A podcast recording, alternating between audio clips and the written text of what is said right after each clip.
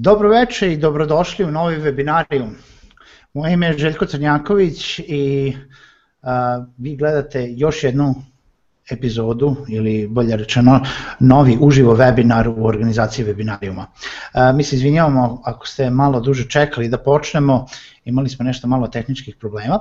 A, no, u svakom slučaju, večeras za vas, a, kao što smo i najavili, imamo temu koja se tiče unapređivanje samih sebe, unapređivanje sebe u poslovanju i načinima komunikacije. Da bi to uradili, imamo pomoć našeg dragog prijatelja i naš večera, večerašnji gost na webinaru je Josip Bošnjaković iz Novog Sada. Josip je NLP trener. Josip je, ako ne grešim, NLP master trener, je li tako? Tako je, tako je, već neko vreme master trener. A, kaži nam Josipe za početak da upoznamo ovaj, naše gledalce, šta je to NLP? Pa ovako, ono kako smo krenuli uopšte sa nekom idejom e, kako da ovaj webinar upotpuni čitavu priču do sada što je bila, i ono kako smo i ti ja i ti malo pre pričali, jeste da u stvari sagledamo kako to one meke veštine ili soft skills na engleskom mogu da pomognu bilo kome da se unapredi, da mi volimo da kažemo bude bolja verzija sebe, da bude bolja verzija u smislu 2.0, 3.0, kako god da unapredi neki deo koji mu može koristiti dalje u radu, bilo na radu sa ciljevima, u komunikaciji, kako god. E, ja se NLP-om bavim već duži niz godina i kroz bavljanje NLP-om unapredio sam sebe, unapredio sam načina kako ja funkcionišem, pre svega u komunikaciji i u ciljevima. Tako da nekako kako sam ovo zamislio i koncipirao da predstavim u stvari kako to NLP može da asistira vama da postignete neki cilj, da vidimo zašto neki ciljevi se do sada nisu ostvarili i da vidimo šta je to od komunikacijnih veština što možemo da unapredimo kod sebe da bi dobili neki bolji rezultat. Ovo kako si rekao, šta je to u stvari NLP? E, često čujete ili ste čuli ovu skraćenicu ili nas pitaju, ok, šta je to? Sad se već, da kažemo, proširila priča i kada razložimo ove tri reči koje znače neurolingvističko programiranje, obično kada smo kretali sa NLP-om ovde dobili smo onaj deo, aha, to je nešto vezano za IT ili to je nešto vezano za programiranje ljudi. Jedno i drugo ima veze sa NLP-om, s obzirom da je nastao 70. godina u Americi, gde su Richard Bandler, Bandler i John Grinder u stvari ispitivali šta je to što određeni ljudi, u njihovom slučaju psihoterapeuti, rade malo drugačije da imaju fantastične rezultate. Bile su tri vodeće u to vreme psihoterapeuta koje su nešto radili drugačije. I svako na svoj način imali su jako dobre rezultate. I od toga su oni napravili ovaj NLP, nisu ga odmah zvali NLP, nekako je to ime došlo vremenom, a ono što je bitno reći za neki naš početak je da je to jedan model. Model koji je nastao u stvari modelovanjem ljudi koji rade nešto jako dobro. I kada nas pitaju šta je to u stvari definicije NLP-a i kako, uopšte kada bi nekom želeo da jako brzo objasni šta je to NLP, ja volim da kažem neku svoju definiciju, a to je da NLP u stvari predstavlja kako da koristimo jezik našeg mozga, to je kako da našem mozgu nacrtamo, objasnimo, šta da uradimo nešto drugačije, predstavimo neki cilj, izmaštamo ga, načinu na kako bi on to najbolje mogao da shvati i onda da dalje kreiramo akcijne korake da dođemo do tog cilja. NLP kao model ima određenu strukturu i kao takav može da nam da rezultate u puno segmenta. I zašto, ajde kažemo, kada pričamo sa ljudima, zašto a, kažemo da je to jedan od modela koji može da se koristi u puno nekih, da kažemo, raznih situacija, baš zato što ova struktura koju su Richard Bandler i John Grinder dobili iz modelovanja određenih psihoterapeuta može da se iskoristi jako dobro i u komunikaciji, u postizanju ciljeva, u marketingu, za uticaj, bilo kakav e, želite da napravite, tako da puno je nekih aspekata kako možemo da koristimo NLP. I sad ovo što sam onako dao kao par nekih uvodnih informacija na NLP-u, kada bih stavio u, da kažemo, jednu definiciju, značilo bi da NLP, kada razdvojimo ove tri komponente, Ovaj deo neuro se odnosi na naše čula. Mi koristimo naših pet čula, nešto da vidimo, da čujemo ili da osetimo. tu isto spadaju čulo mirisa i čulo ukusa, da uopšte shvatimo šta se to dešava oko nas. E sad, kada to isprocesuiramo ovim našim neurodelom, onda dalje koristimo jezik, da bi uopšte pričali dalje o tome što se desilo nama. Evo, bilo koji primjer da uzmete i ovaj webinar može biti onako vrlo dobar primjer. Svako od vas dok sluša mene da vam pričam o NLP-u, šta je to NLP, gde on sve može da vam koristi, verujem da ima neku sliku i uopšte nešto što se kod njega stvara gde bi to mogao možda da iskoristi. Sa druge strane, to ćete želiti sutra da nekom ispričate. E, bio sam tamo na nekom webinaru, gledao preko neta, tamo je neki lik bez kose pričao nešto i onda je rekao to, to i to vezano za NLP. I to je onaj lingvistički deo koji koristimo da bi u stvari sve ono što smo primili, isprocesuirali, nekako verbalizovali. To se dešava svakodnevno. Kad želite nekom da pojasnite kakav je film bio. I svako od nas će jedan film da doživi na više načina. I to je ono bogatstvo NLP-a e, na koji ćemo se malo kasnije nadovezati. I onda imamo ovaj deo P koji se tiče programiranja. Koji su to programe u nama? Koji su to navike u nama koji se dešavaju, koji su nam nekad korisne, da uradimo neke jednostavne funkcije kao što je, da ne znam ni ja, napišete nešto, da sipate vode, da se obučete svaki dan, imamo neke programe po kojima funkcionišemo.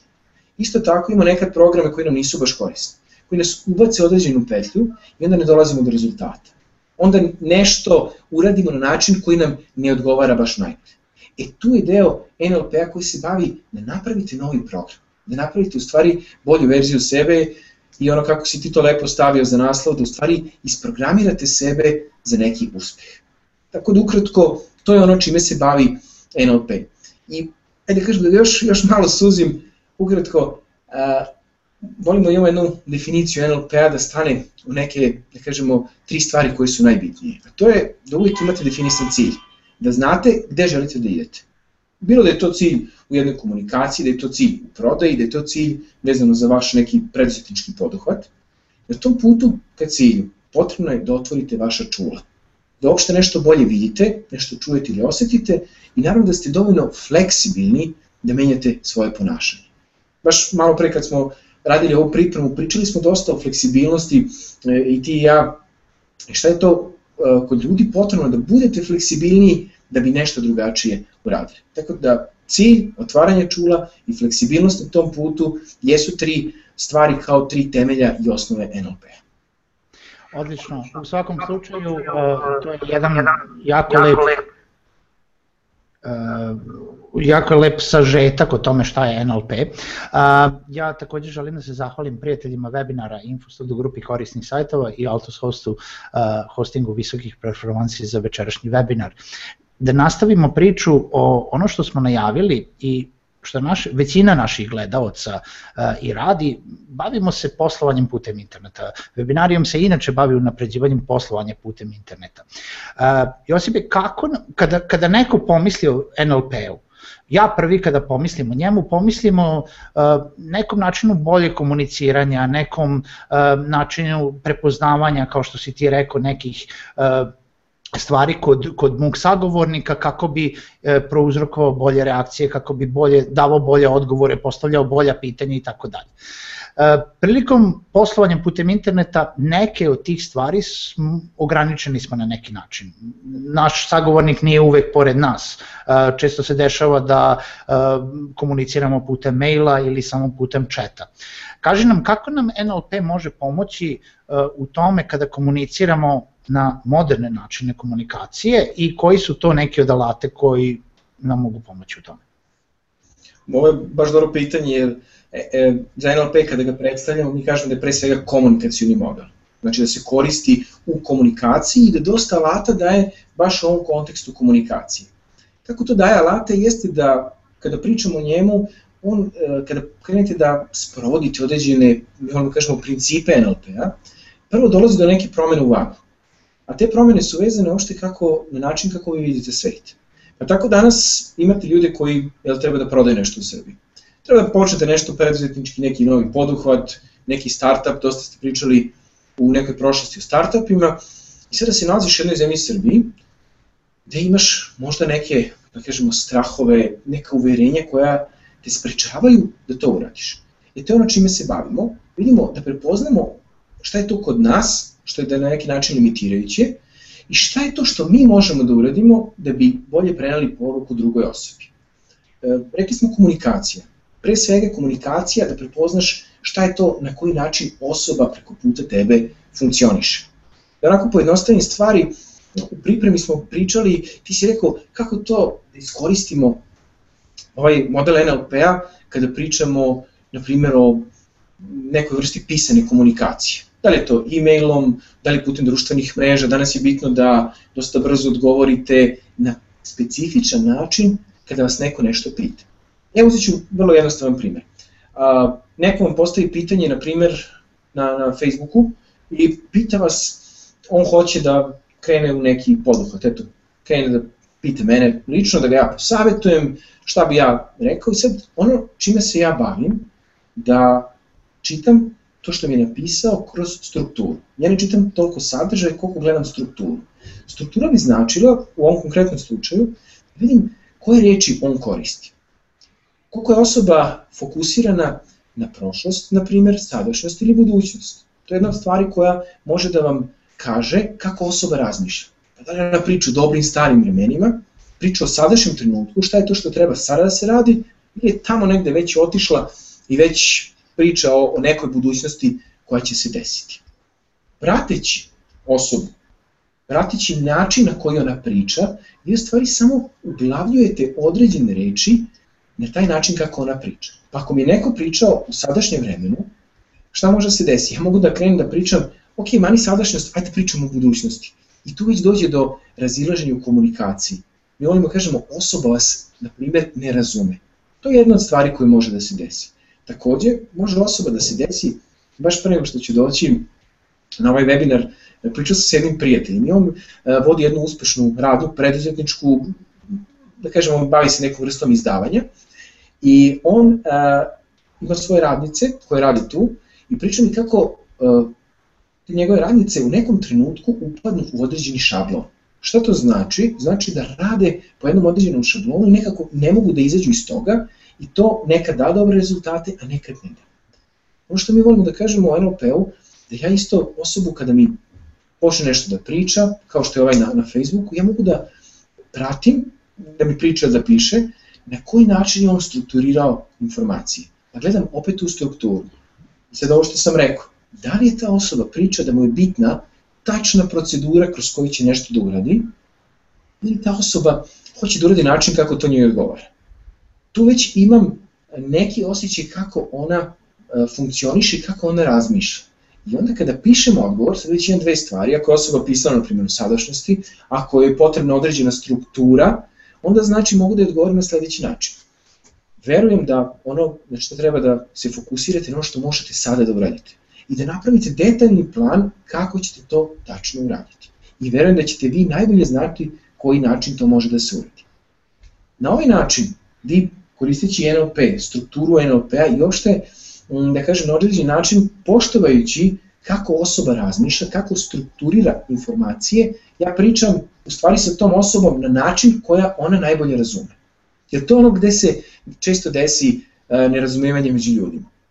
Isto može tako da vam osoba priča o nekom projektu koji treba da, da završi ili želi da počne, pa vam priča o, o nekim velikim ciljevima vezani za taj projekat.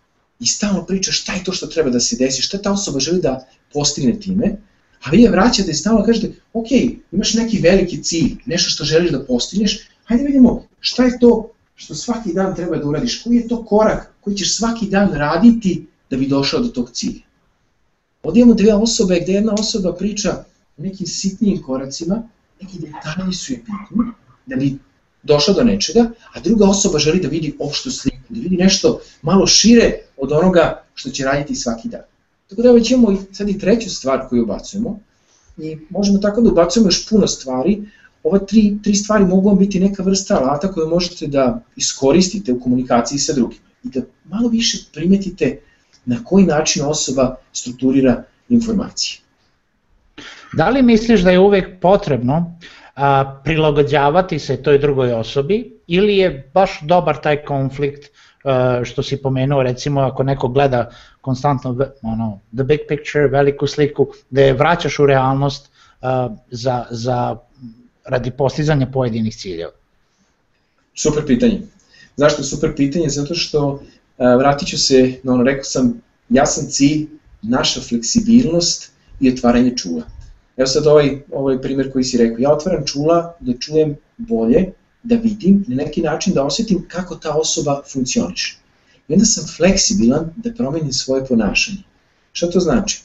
E, ja sam primetio da je on, što ti kaže big picture, hoće nešto da neki cilj sagleda sa nekog šireg aspekta, da bi došao do tog šireg aspekta, u nekom trenutku će mu biti potrebni i koraci. Sad ako on stane u tom širom aspektu, da će on doći do cilja? Možda hoće, možda i neće. Ono što mi radimo na NLP-u jeste da se usaglasimo pre svega sa njim. Znači, ovo o čemu sam za sada pričao jeste jedna vrsta usaglašavanja sa osobom kroz neki, da kažemo, kanal komunikacije koji smo primetili kod te osobe. Da li je to, eto, kao što sam rekao, pričanje o detaljima ili pričanje o nekim opštim stvarima. Kad imamo tu usaglašenost, onda možemo dalje da pričamo i u nekom trenutku, mi to volimo da kažemo, pratite, pratite osobu, uspostavite usaglašenost i onda kao neka vrsta plesa samo uzmete pod ruku i počnete da plešete.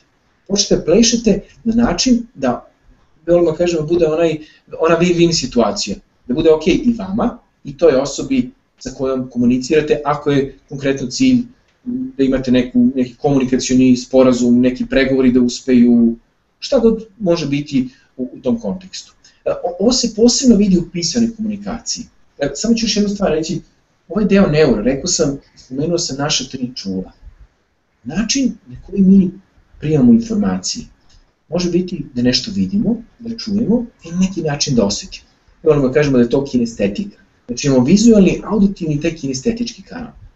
To nam isto može biti zgodan alat koji možemo da iskoristimo. Uzmite e-mail, pogledajte e-mailove, da kažemo, da niste imali uspeha, koje, koji nisu se dobro završili. Pogledajte e-mailove gde ste se složili sa osobom. Pogledajte strukturu rečenica, strukturu odgovora koji ste koristili verujem da ćete primetiti određene obrazce slaganja da pričate, moramo da kažemo NLP-u, istim jezikom. Da pričate na način da ta osoba vas razume. Tako da nekad koristimo više vizualni kanal, pa nekom nešto crtamo.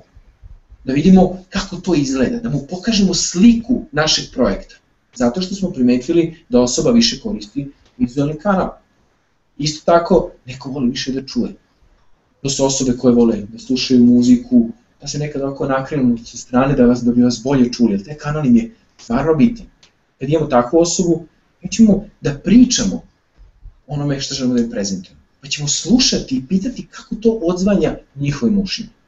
A imamo i one osobe koje prave neku vrstu osjećaja. Znaš, ono, kad kažu, odmah na osnovu osjećaja shvatim da li mi se neko dopadne ili ne. Ja na osnovu tog osjećaja da li mi se ta osoba dopada ili ne, ja pravim utisak da ću da radim, da radim sa njim ili neću.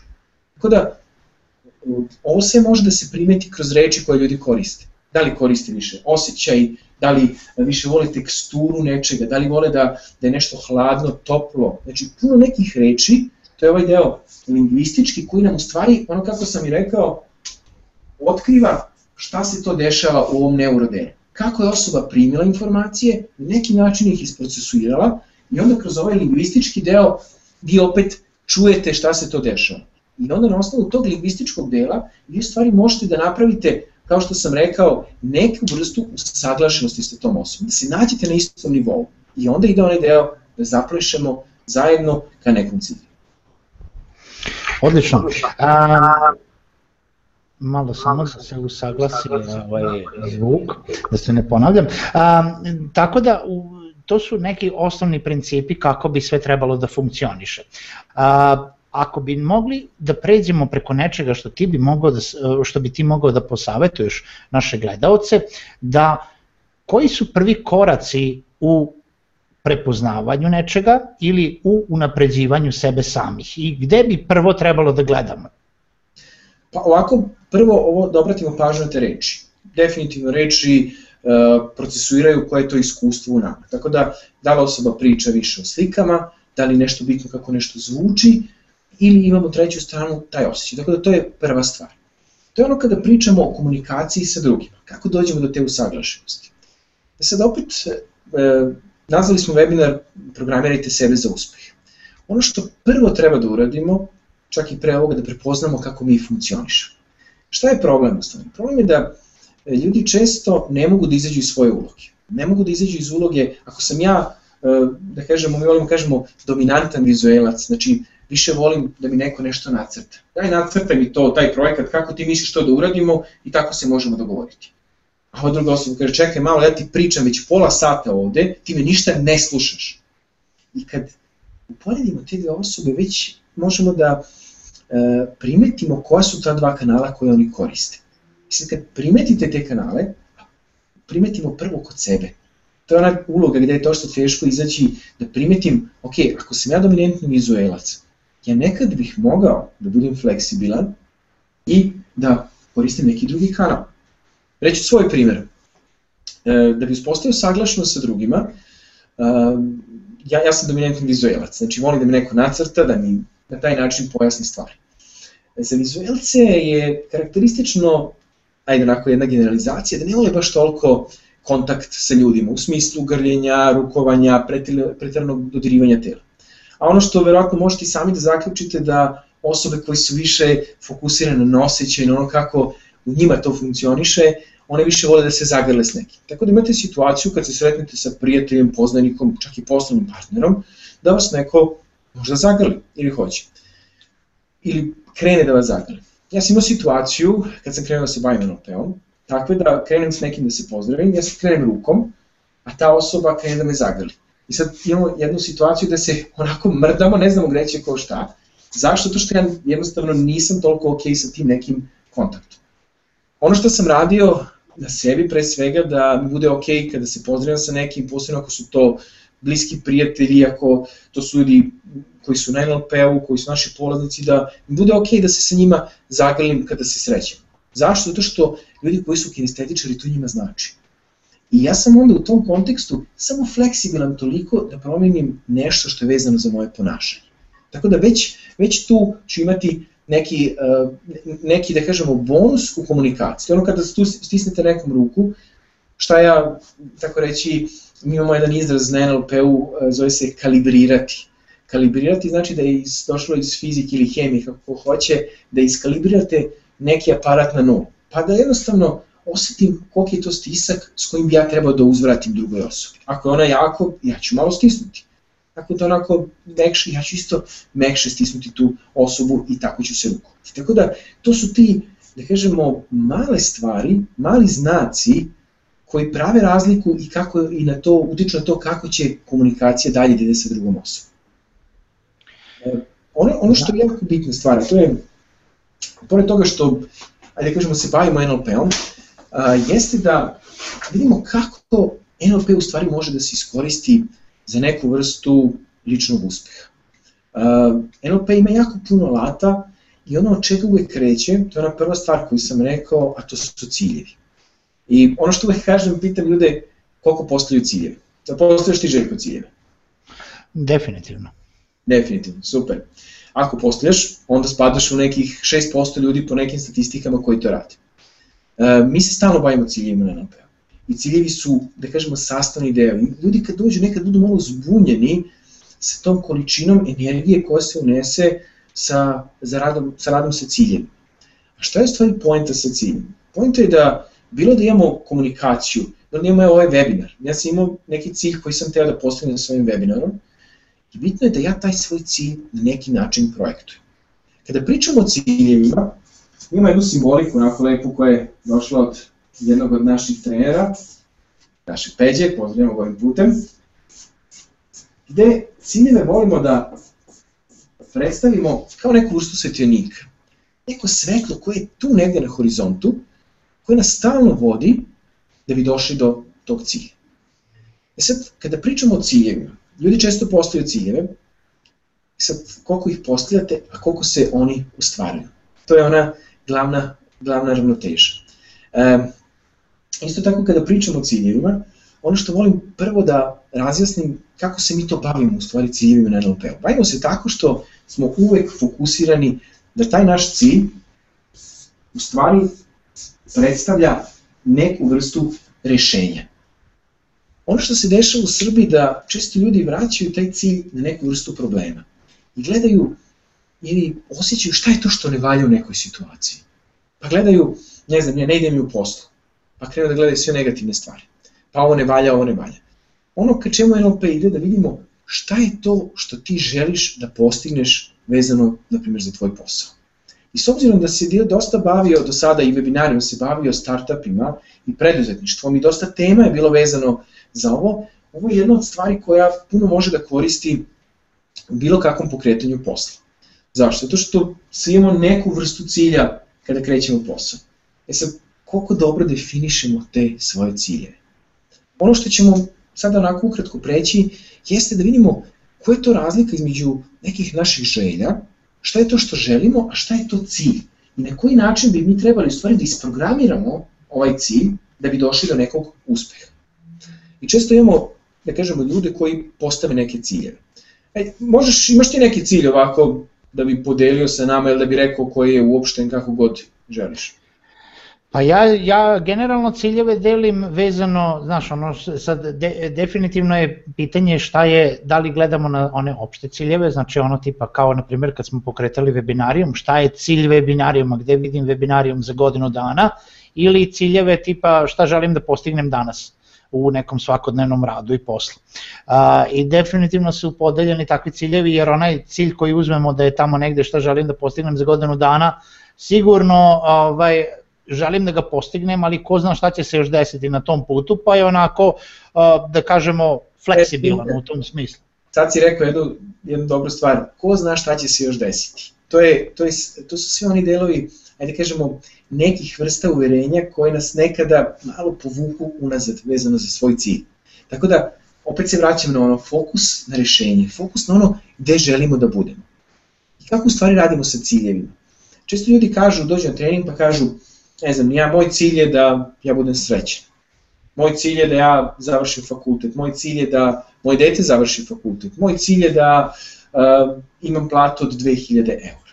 Ja kažem super, to je lepo što imate takvu vrstu želje.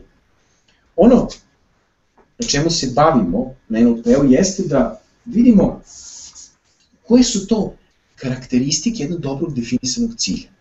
Na koji način i šta je to što vi treba da uradite a da je vezano za cilj, vašu definiciju cilja, jedno je kad napišete cilj na papiru i to je okej. Okay. Sad, stvari da cilj treba da se živi, da ga svaki dan prolazite. Uh, ja isto puno istražujem startupe i čitam o startupima i čitao sam i Lean Startup uh, i uopšte uh, dosta nekih koncept, koncepta koji su vezani i za preduzetništvo i za neke nove ideje, pre svega za nove ideje. I ono što se, da kažemo, pojavljuje kao neka vrsta, opet se vratiti na NLP, kao vrsta modela u svim tim pričama, jeste da te sve osobe koje su postigle visoke ciljeve i koji su postigle ono što su žele u životu, imaju neku vrstu vizije. Kad pričamo o toj viziji, ono što je bitno za cilj, da ga bukvalno na neki način proživite kroz vaša čula, kroz vizualni, auditivni i kinestetički kanal. Šta to konkretno znači? E, ono što isto volimo da kažemo za ciljeve, bilo bi dobro da ih zapišemo. I kada pričamo o nekom svom cilju, i kada pišem o tom svom cilju, ja bi trebao u stvari da zamislim šta je to što se dešava u tom mom cilju. Kako to tamo izgleda? Ko je još tu sa mnom? Znači što više vizualnih, auditivnih i kinestetičkih, da kažemo, kanala procesuiranja tog našeg cilja, da bi u stvari taj cilj žive u nama. Jedna zanimljiva stvar koja je vezana za naš mozak, koju stvari koristimo za vizualizaciju, za ciljeve, za kreiranje, za komunikaciju, za sve. A to je da naš mozak u stvari ne prepoznaje razliku između onoga što je stvarno i onoga što zamišljamo. Konkretno to znači da ja mogu da zamišljam kako držim neku prezentaciju, da sedim u nekoj drugoj prostoriji, da bukvalno uzmem vremena i da zamislim kako bi to izgledalo. Na taj način ja koristim svoj mozak, svoj veliki mozak i pravim određene puteve. e, gledam sa strane malo kako bi to moglo da izgleda, provlačim taj svoj cilj kroz određene kanale i provlačeći taj svoj cilj kroz vizualni, auditivni i estetički kanal je u stvari mašta. Ono što je problem, što je problem u Srbiji jeste inspiracija, jeste problem da se mašta.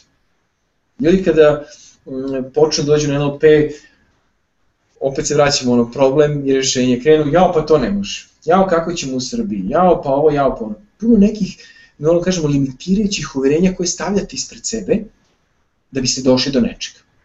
Ovo kad kažem isto, stavljate ispred sebe jedna zanimljiva stvar, a to je da napravimo razliku između onoga šta svesno želimo i šta se u stvari nesvesno dešava u nama. Po jednom istraživanju iz 1956. godine, ljudi u jednom trenutku mogu da se fokusiraju na jako uzak segment informacije. To znači da u jednom trenutku ja mogu da obratim pažnju na 7 plus minus 2 informacije najviše. 7 plus minus 2 informacije. To znači ja vas sada zapitam da svako od vas zatvori oči ili drži zatvorene oči, ponovi šta je to video kod mene. Obično kada ovo uradim na treninzima, ljudi ponove 2, 3, 4, 5, 6, 7 do 8 stvari najviše. Šta se dešava? Dešava se da puno stvari utiče. I vi sad sedite, neko od vas nešto klikće, možda gledate na Facebooku poruke, možda proveravate e-mailove, možda nešto tweetujete. Pažnja vam ide na različite strane. Ono što se dešava da mi imamo 7 plus minus dva segmenta na koji možemo da se fokusiramo. I mi to zovemo kao neka vrsta ledenog brega koja se nalazi na nekoj površini. A ono sve što se dešava ispod te površine, e to je ono što se odnosi na naše nesvestno. I mi nesvestno puno više upijemo. Kada pričamo o ciljevima, u stvari, ono gde treba cilj da stavimo jeste ovde gore.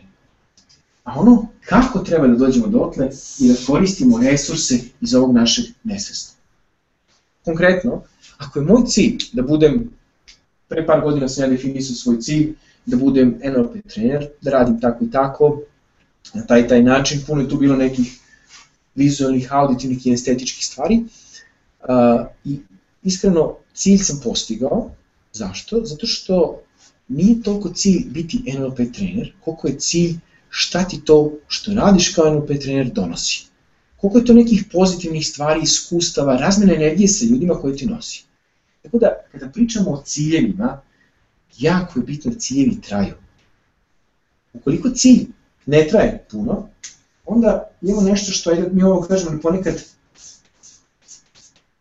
prethodi cilju, a to je naš rezultat. Konkretno objašnjeno, rezultat znači da do maja, ne sad je maj 16, maj 2016. godine, tada i tada, ja ću u tom i tom okruženju imati, ne znam, 80 kg. To je ono što ja postavljam kao rezultat. Ono što je, da kažemo, neka dublja forma tog rezultata je neko stanje koje traje. Neki cilj koji ja imam veze sa, sa tom svojom težinom. Težinu sam uzeo, čisto da napravim paralelu sa postavljanjem cilja sa neki startup, neko preduzetnički projekat, isto tako i cilj može biti moja kilaža. Ja sam ranije, dok nisam bio počeo da, da usvajam NLP, postavio tako ciljeve da mi je cilj da ne znam 80 kg. Ja postignem to. E to nije cilj, to bude rezultat. Zašto? Zato što se jako brzo vratim na neku staru kilažu. Ono što je cilj jeste šta tih 80 kg znači meni. Kako se ja tada osjećam, šta ja tada radim. I tu bacujem ovo sve drugo što je vezano kroz vizualno, auditivno i kinestetički. Tako da, pored ovoga, sad sam u okviru rezultata počeo još da pričamo o nekim stvarima koje su bitne za definisanje ciljeva, pa postoji ona jedan akronim za definisanje ciljeva koji kažu da ciljevi treba budu SMART. Specifični, merljivi, dostižni, realni i vremenski ograničeni. Mi imamo jednu stvar koju mi kažemo da ciljevi treba budu mudro definisani. Šta znači mudro? Znači da budu merljivi, da možemo da izmerimo taj cilj, da ima neku merljivu kategoriju u sebi. Ok, ako je to kilaža, neka ta kilaža bude deo to svog cilja, a pored te kilaže, pored tog kvantitativnog dela, koji su to kvalitativni segmenti koji utiču na ostvarenje mog cilja. U, znači, unutar naše kontrole. Jedan isto jako bitan segment, to je ono što sam rekao da pojedini ljudi imaju segment, e, imaju neke želje, pa kažu, ja želim da moj, moje dete završi fakultet I onda ja pitam, ok, koliko je to unutar vaše kontrole? Pa kažem, pa nije. Ja ne znam, ja želim da uradim to i to, želim da otvorim radnju. Ok, koliko je to unutar moje kontrole? Pa ne znam, unutar moje kontrole da se raspitam da uradim ovo. E, to je sve nešto što ti možeš da uradiš, što jeste unutar tvoje kontrole. Tako da to su, to je, to je sledeća stvar koja je bitna. Da znači dostižan, možemo kažemo na granici ostvarljivosti, da je realan, iako ja volim više kažem relevantan. Da bude relevantan, da toliko bude važan, toliko, da kažemo, toliko da ste posvećeni svom cilju, da sve svoje resurse usmerite na njega. Jer kad usmerite sve svoje resurse, onda sve što znate, sve što imate, što se nalazi od NSM, sve što ste naučili do sada, se stavlja u ovaj gornji segment. U gornji segment gde ste u stvari definisali svoj cilj. Ovde se nalazi naša definicija cilja. Znači, tako smo definisali cilj. I ovo, o, znači, ograničen vremen. Da imamo neko vremensko ograničenje do kada želimo da postignemo taj svoj cilj. Još, još par bitnih stvari koji su vezani za definisanje ciljeva jesu da cilj bude zapisan, to sam rekao već, da ga zapišete. Zašto zapisan? Imamo neke sveščice naše, volimo da zovemo Dream Book, gde upisujemo svoje ciljeve i gde možete da u stvari se nekad vratite. I uopšte kada zapisujete cilj, to, to samo pisanje predstavlja jednu vrstu obaveze. Obaveze koju imate prema tom cilju. I da ga na taj način dodatno osjećate i da ga na taj način postignete. Još jedno ja bih ja to samo kratko zaustavio. Ovaj, ovaj, mislim, nećemo više pričati o kilaži, jer ja ću dobiti kompleks.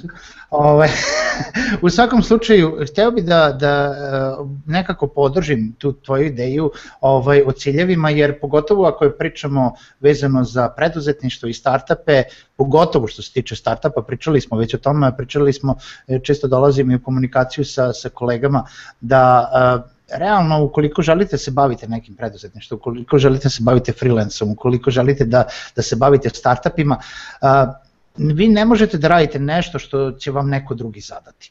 Vi ne možete da uh, produkujete nečiju drugu ideju i vi ne možete da se da, do potpunosti do, dovedete do uspeha nešto što, kao što Josip kaže, bukvalno ne vidite da ste već ostvarili, što ne živite za to u tom smislu. E, tako da ideja o ciljevima je veoma bitna za nekoga ko, ko se bavi sobstvenim poslovanjem, nebitno da li je to online ili u nekom preduzetništvu, kao i u nekoj ovaj, ličnoj, e, ličnoj, ličnom usavršavanju, e, da li su to neki ciljevi, ja definitivno moram da razmislim o tom cilju postizanja određene težine, ovaj manje nego što jeste. Ovaj a, ali trenutno sam fokusiran na neke druge ciljeve. U svakom slučaju, e, pošto nam vreme polako ovaj, ističe i ovo je jako interesantno, samo što e, NLP trening traje jako dugo inače, e, gosti, to jest gledalci mogu slobodno postavljati pitanja na koje ćemo odgovarati uskoro na kraju webinara ukoliko ih imate. Josipe, ja bih hteo samo nekako malo više da se fokusiramo na to šta naši gledalci već nakon gledanja ovog webinara uh, da li postoje neke male tehnike, neke, e, ne, neke male onako, kako da kažem, tajne prakse e, koji mogu da počnu da primenjuju kako bi se usavršili šta u pogledu postizanja ciljeva, šta u pogledu poboljšanja komunikacije. Super pitanje, samo ću još jednu stvar ovde staviti, to, to mi je promakla, to jest prekino si me, mora biti pozitivan. Definitivno, da. E, Definitivno. I to je ono, ono što, što sam rekao nekada ljudi kažu ja ne želim ovo, ne želim ovo. Uh, kako da ovo iskoristite, ovo što sam ja ovde nacrtao za konkretnu upotrebu? To je ono što, što nas sve interesuje. Rekao, mani se ti priče, obično kažu daj mi recept. Ja ih nekada razočaram kažem, recepta nema. Ovo je recept, a vi u stvari kreirate svoj cilj. Često ljudi dođu na trening i hoće, ja hoću da ti meni daš rešenje. Ja rekao, ja nemam rešenje, ja imam tehnike, imam modele, imam metodologiju sa kojim vi sami dolazite do cilja. Kad bi ovo, sve što sam ovde napisao, i da prođemo cilj kroz naša, cilj kroz naša čula, i da je zapisan, i da je mudro postavljen, i okviru rezultata, i da je pozitivan, stavili u konkretnu praksu, to znači sledeće. Ja, na primjer, hoću da osnojem, ne znam, nija SZTR, zanatsku radnju. Dobar sam u nečemu i eto mislim da bi mogao da radim. Do sad sam radio za nekoga ovaj, i nije to bilo loše, međutim ja osjećam da to može više. I ono kad sam predlagao neka poboljšanja, kad sam imao neke vizije, nešto, čemu sam razmišljao, to nije dalo pravi rezultat. I evo mislim da je trenutak da počnem sam svoj posao. Šta onda osoba može da uradi? Ja bukvalno, kako, kako mi to da kažemo NLP-u radimo, e, napravite neku vrstu sesije sami sa sobom. Gde u jednoj opuštajućoj atmosferi ja krenem da maštam i razmišljam o svom cilju. Šta tačno taj cilj znači za mene? Onda mu postavljam, postavljam sam sebi, onda mu, njemu, meni, postavljam dosta pitanja koja mi dalje nagone da pričam o tom cilju. Kad pričamo o pitanjima, otvorena pitanja. Šta se tu dešava na tom cilju? Šta, šta, šta ti tu radiš?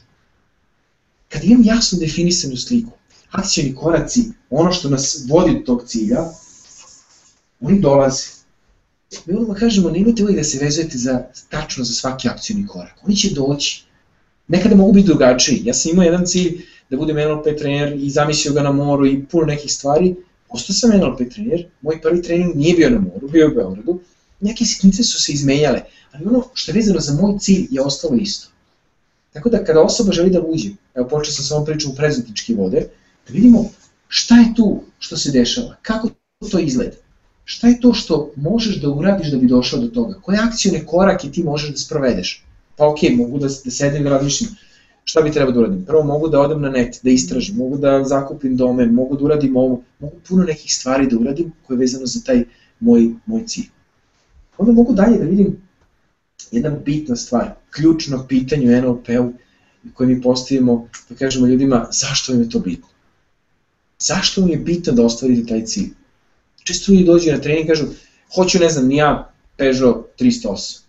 Tačno ga definiše. I imam ovde vaki, kako će se on izgledati, sve, sve imam. I onda ja postavim pitanje, ok, i zašto ti je to važno? Jedna osoba stane onako kaže, uf, pa ne znam. Isto tako preduzetnik, jako je bitno da raščlanimo sami sa sobom, želimo li to ili ne, imamo li preduzetnički duh u sebi ili nema. To, je, to su sve bitne stvari koje a, je potrebno raditi pre uletenja bilo kakav proces. Ono što smo svedoci, evo ja samo kad se prošetam po svom kvartu, e, stalno se otvaraju nove radnje sa voćem, nove spa, nove e, ove, one radnje, jako puno radnji otvara se i zatvara. Imaju jako kratak ciklus. Zašto? To što vidio sam, aha, pera je počeo, pa pera ide, pa mogu bi ja to da uradim.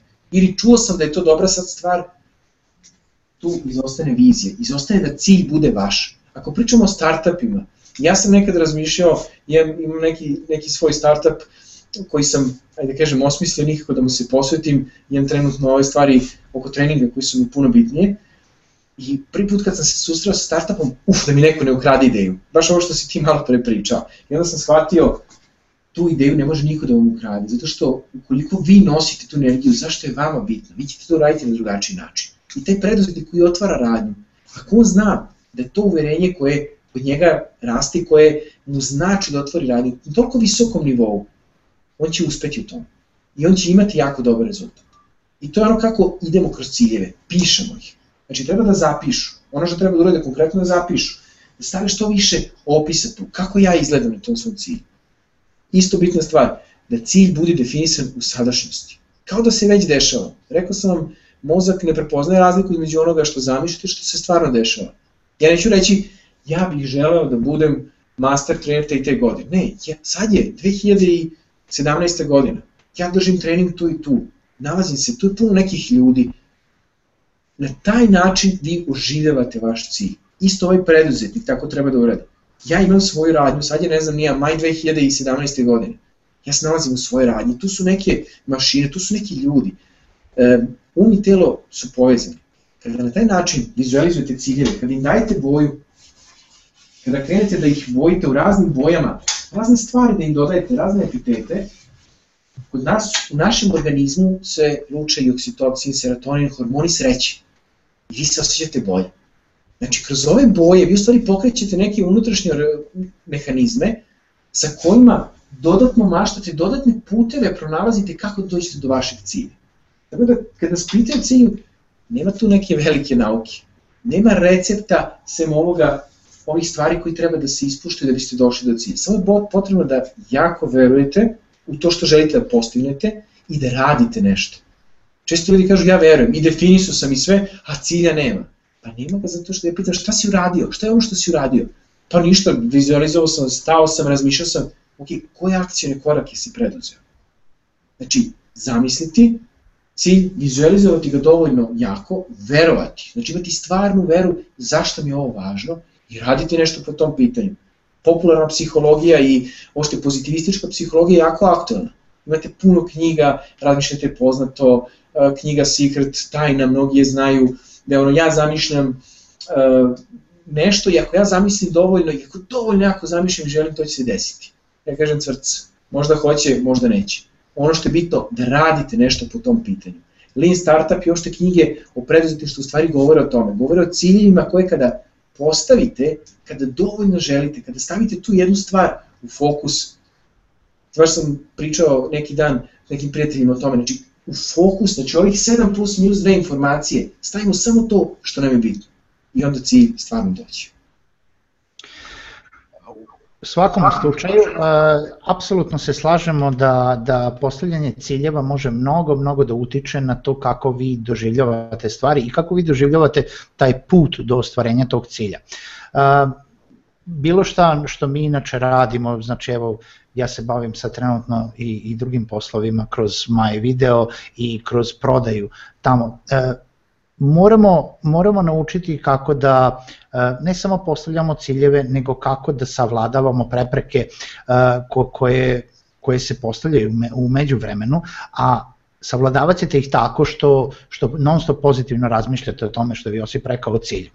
Što više slušate, više ćete više ćete obratiti pažnje na ono što je na ono što je što drugi ljudi oko vas komuniciraju i e, jedan moj e, sagovornik je nedavno rekao da ljudi ne slušaju toliko dobro koliko misle. Niko ne sluša toliko dobro, baš koliko misli da sluša dobro.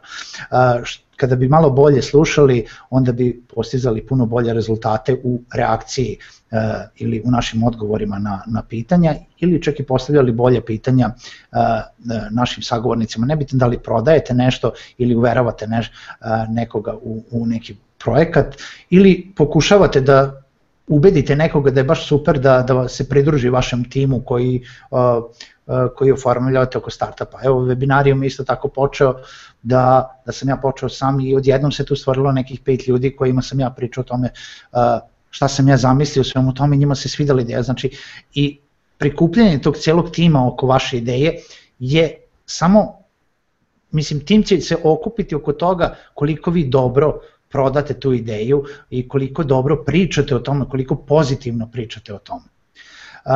U svakom slučaju, ja bih polako da dam šansu Josipu da, da polako završimo izlaganje i onda da dam šansu našim gledalcima da postave pitanja. Tako da, Josipe, šta imamo još da zaokružimo celu priču? Pa, možemo zaokružiti, znači da smo, da, da kažemo, ponovimo prošli dva aspekta. Jedan je onaj deo komunikacije, gde NLP može da asistira u smislu da, da prolazite određene metode, određene modele, zašto osoba, zašto je neko drugačiji, zašto on razmišlja baš tako. I šta je to što ja mogu da uradim? Jer ovde kad pričamo i o ciljima, svemu, šta je to što mogu da uradim na sebi? Mi kada pričamo o NLP-u, prvo radite na sebi. I kad napravite promenu na sebi, onda nekako promene dođu i sa druge strane drugi, ljudi drugačije razmišljaju, ja se više neću povisiti glas zato što se nisam razumeo, nego ću reći, aha, čekaj malo. Znači, on samo ima drugačije viđenje sveta i to je. Okay. Hajde vidimo da možemo negde da se nađemo.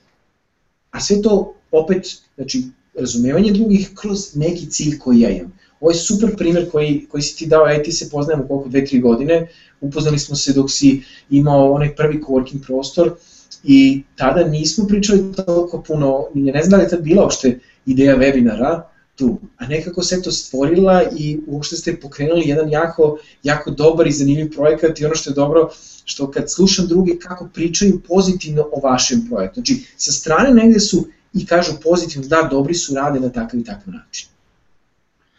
Da, da, to je, to je činjenica koju ja non stop e, pričam ljudima da je webinarijum u stvari nastao slučajno, ali kao i većina dobrih stvari e, nekako se uvek e, izrodi iz neke početne, početne samo ideje koja je, koja je dobronamerna pa se tu onda nešto napravi oko toga. Evo imamo za početak dva pitanja, pa jedan je vezan konkretno za NLP edukaciju. Josipe, kaže, zašto je NLP edukacija toliko skupa? Mi volimo da kažemo koliko si spreman da platiš. Tako da sve u životu košta, sve ima neku cenu, tako ima i ova edukacija. Nekom je skupa, to opet ću reći, zavisi kako gledate na to. E, ja sam dosta uložio u svoju edukaciju tokom proteklih godina i ono što se desi sa ljudima kada prođu i taj neki od NLP treninga, da kažu, stvari koliko sam ja ovo jeftino platio. Svako je doživao neku vrstu promene. Znači, evo, kod nas sada kreće 30, e, taj neki practitioner koji imamo kao trening 30 i neka generacija, nije bitno, radimo sad svuda po Srbiji treninge, uglavnom je u početku bilo u Beogradu, otprilike neka i 15 do, ajde, do 20 ljudi kako kada, uh, nekad i desetak uh, de, polaznika i sad gledajte koji je to količina ljudi. I šta se dešava? Pored marketinga, sad nam je marketing su ljudi. Tako da, zašto je skupa, ona ima svoju cenu. Sad, da li je to puno, to sad posle izvagate kad završite, kad dobijete alate, kad napravite promenu kad neko promeni posao, kad uradi ovako, onako, kad neku promenu dovede kod sebe, šta je to što ja u stvari želim. Tako da, da li je skupa ili nije, to će ostaviti da svako, svako za sebe procene. Apsolutno, svaki proizvod ima svoju cenu i svako ko kupi proizvod zna šta je platio u tom smislu. A, šta ako imam dva potpuno različita posla koje treba da razvijem, da li to umanjuje efektivnu energiju? Mm -hmm. Definitivno, definitivno, zašto? To što opet ću se vratiti, imamo 7 plus minus 2 informacije koje možemo da, da stavimo uh, u neki svoj fokus. I danas, današnje vreme smo svi manje više osuđeni pod navodnicima na neku vrstu multitaskinga, da radimo i ovo i ono, ili dva posla ili tri posla, i definitivno energija se razilazi. Kada sam čitao i pričao puno sa ljudima, ajde opet se vezati za startupe, svi su rekli uh, i to i ti znaš i kad sam slušao uspešne priče na uh, Pioneers i nekim drugim konferencijama koje se bave startupima, svi su rekli prvo smo dali otkaz tamo gde smo radili i onda smo se fokusirali na jednu stvar. Ima jedna dobra stvar, e, jedna dobra knjiga, zove se Samo jedno je bitno, gde u knjizi pričaju o tome da fokusiranju na jednu stvar vi u stvari pokrećete puno više stvari. Pa najbolje, da kažemo, neka vrsta metafore za to je domina ona domina koja je 5 cm visoka, e, može da obori dominu koja je za 50% veća od nje. I tako dalje i svaka sledeća za 50%. Radili su neke eksperimente pa su domine krenuli dalje da obaraju, tako da su došli do toga da neka 18. domina je visine krivog torna u Pizi. 37. je visine Monta Everesta, 50. neka je visine ovaj, e, meseca. Sad pazite, vi krećete od nečega što je ovako malo i onda dolazite do nečega što je stvarno veliko. Tako da ciljevi, ako pričamo i kroz projekte jedan, kreću od jedne stvari, jedne koje se fokusiramo i na koju smo potpuno posvećeni. Moje uverenje je da ukoliko se osoba posveti potpuno jednoj stvari, da će tu stvar uraditi fantastično. Sledeće pitanje, ja verujem da imaš puno ovih, ali evo i možda jedan kratak, da li imaš neki konkretan primer da je NLP metoda pomogla i kako? Konkretnih primjera je puno, mislim, uh, ima posljednje ciljeva, evo, reći ću baš jedan, ovo je stvarno ekstremni primer, uh, jedna naša polaznica je išla u Beogradu uh, na trening, ja je nisam držao, ona je sebi za cilj postavila na prvom modulu, ima sedam modula, da postane menadžer ljudskih resursa u Disney na Bahamima. I sad to onako, nekom će delati, wow, Disney na Bahamima, drugi će reći, čekaj, ti iz Srbije da postaneš HR manager tamo negde kako god, sad puno tu može da ima interpretacija i puno stvari ona radila, ona je definisala svoj cilj i znala tačno da želi samo to. I samo je to bilo. I kad definišeš tako cilj, znači nema da, ej, posjeću svoj CV u Telenor, Erste, vamo, tamo, da radim negde drude kao HR manager. Ne, ima jedna jedina kompanija i jedna jedina stvar koju ja želim da radim. Vratit ću se na ovu prethodnu priču. I devojka je postala, uh, dobila je taj posao. Naravno, tu je prethodile su i puno Skype razgovora i puno nekih stvari.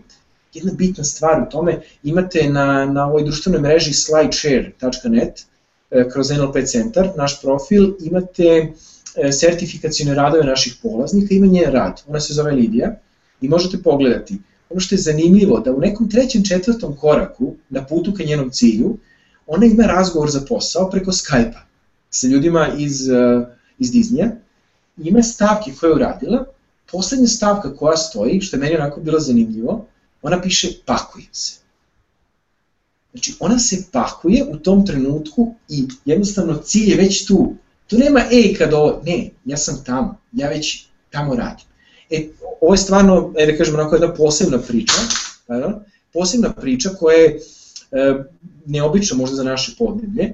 Takvih priča, ajde da kažemo, u nekom manjem obimu bilo puno. Da promeni posao, da urade nešto drugačije, nekad kroz šalu kažemo, obično se desi dve stvari kada završi NLP trening, ili promene posao ili promene ženu. Tako da sad, eto, puno je primjera, pa nek izaberu šta hoće. E, kako motivisati sebe za rad na sobstvenoj ideji kada se osjećamo iscrpljeno nakon full time posla? Opet povezano sa ovima, da li radimo jedan ili dva posla i tu je isto jako bitno koliko ti je to bitno i opet ću ponoviti ono, koliko si stvarno spreman da platiš. Koliko si spreman da platiš za svoju ideju, za svoj cilj. Ako si spreman da platiš, postoji nešto, e sad da ne ulazim u to, e, zove se stanje flowa ili stanje toka. To su, e, Mihajčik Semithan je napisao čitavu knjigu o tome, u tom stanju smo potpuno ispunjeni i potpuno u trenutku. Verujem da svako od ljudi koji sluša ovo dožive u nekom trenutku i najlakše se postigne onda kada, ne znamo, u nekoj dokolici, na nekom sportu, gde ono vreme vam jednostavno proleti. E stvar je da tako stanje doživite u poslu koji radite. Da kad dođete u 8-9 časova, 7 časova, kogod na posao, dok ne odete, vi jednostavno uf, proleti vreme. Ista je priča i sa projektima. Znači, ako sam i posle posla ostao nešto da radim, ako imam toliko energije, i to je meni stvarno bitan i važan cilj, vreme stvarno proleti. Tako da sve je tamo stvari fokusa, gde ćete staviti vaš fokus i na šta ćete se usmeriti. Idemo dalje, slično pitanje, kako podići energiju i motivisati tim da idu ka zajedničkom cilju? Kako da tim shvati da je to i njihov cilj? E, ovo je super pitanje. Ovo sve što sam pričao za lične ciljeve, može biti da se postavi i, da kažemo, u neku vrstu uh, zajedničkog cilja. Kako mi to radimo? U našoj kompaniji kada postavljamo ciljeve, mi postavljamo zajedno. I ok, evo sad imamo za sledeću godinu koji su nam ciljevi, koji su nam targeti, šta želimo da postignemo. I onda na taj način, kada imam 5, 6, 10 ljudi ispred sebe, sa kojima ja radim, gde sam ja samo moderator, ili imam eksternog e, saradnika koji radi sa mnom, u stvari svi osjećaju istu vrednost, jednaku vrednost, jednaku energiju koja raste, a vezana je za naš cilj. Ono isto što može se radi, slično vezano za ovo, a vezano i za ono prethodno pitanje, kada osoba pita kako da se energizuje, možemo se energizovati mi NLP imamo nešto što se zove sidrenje, gde vi bukvalno, uh, ajde kažemo, ili uh, proživljavate neki osjećaj kad ste bili jako energizovani, koji možete vratiti u sekundi. Znači ja želim sada da budem energizovan, Znate koliko puta se desi da ja dođem na trening, da sam, jednom sam imao trening, čak ima i jedan e, na netu, e, ne, neka emisija koja je bila sa mnom, došla mi TV ekipa, gde sam imao ozbiljan stomačni virus. Ja sam trening odradio 9.30 do 17 časova. U 17 časova sam otišao i nasvestio sa sobom. Ali taj trenutak ja sam odradio, pa ljudi nisu primetili da imam problema sa sobom. Zašto? Zato što, volim da kažem, mi na NLP usidrimo neko dobro stanje. Znači imam neko sidro, neki svoj konopac za koji se drži i koji mi vrati tako dobru energiju, bez obzira da li sam radio stalno ili sam tek došao. To mogu da koristim sam, a mogu i da koristim u timskom radu. Odlično. U svakom slučaju ja bih samo malo da dopunim ako mogu ovaj Josipe ovaj neke od tvojih odgovora sa svojim ličnim ovaj viđenjem stvari da uh, Josip evo bukvalno vam je rekao znači što se tiče energije da li možete da usredsredite na dva cilja? Evo ja se bavim sa dva posla.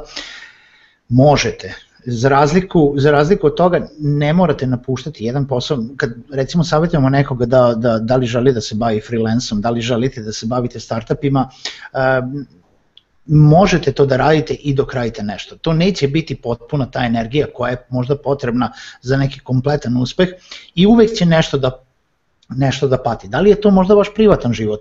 Znači, možda ćete vi usredsrediti energiju na jedan posao i na drugi posao, a imaćete možda malo manje vremena kod kuće.